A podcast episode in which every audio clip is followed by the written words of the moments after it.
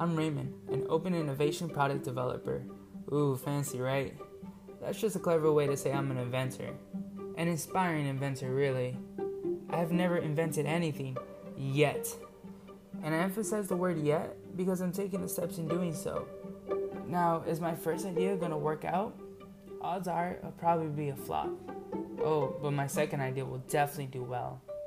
Eh, I might get closer, but still chances are low. Uh, but idea three will be the winner. See, the truth is, we'll never know until we take action. An idea is exactly that an idea.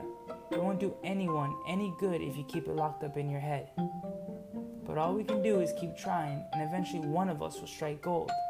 But hey, just don't forget about me when you do, okay? This podcast may be valuable to you if you have an idea you really want to invent, are trying to learn how to get started, are interested in hearing about someone's journey, or just need something to listen to when you're bored. See, I found myself lost and confused in trying to figure out how to approach turning an idea into a product. And quite frankly, I found so many different ways you can go about it. But one method of doing it that really stuck with me licensing your idea to a big company, which is a method Stephen Key and Andrew Krauss, founders of InventRight, preach about all the time, which pretty much means giving permission to a company to sell your idea. In return, you collect royalties. I know you're probably thinking, why would I listen to someone who never sold an idea before?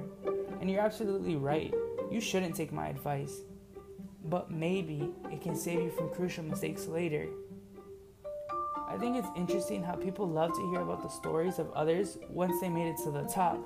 But if you really think about the best parts and the most important lessons, are always found before the success.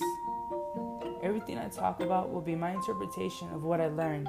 My rants and opinions are how I feel about that in that particular moment. But now that we got that out the way, the next episodes here on out will be uncut, raw recordings of the journey to becoming an inventor. So put on your inventor goggles and let's get to it. Thank you.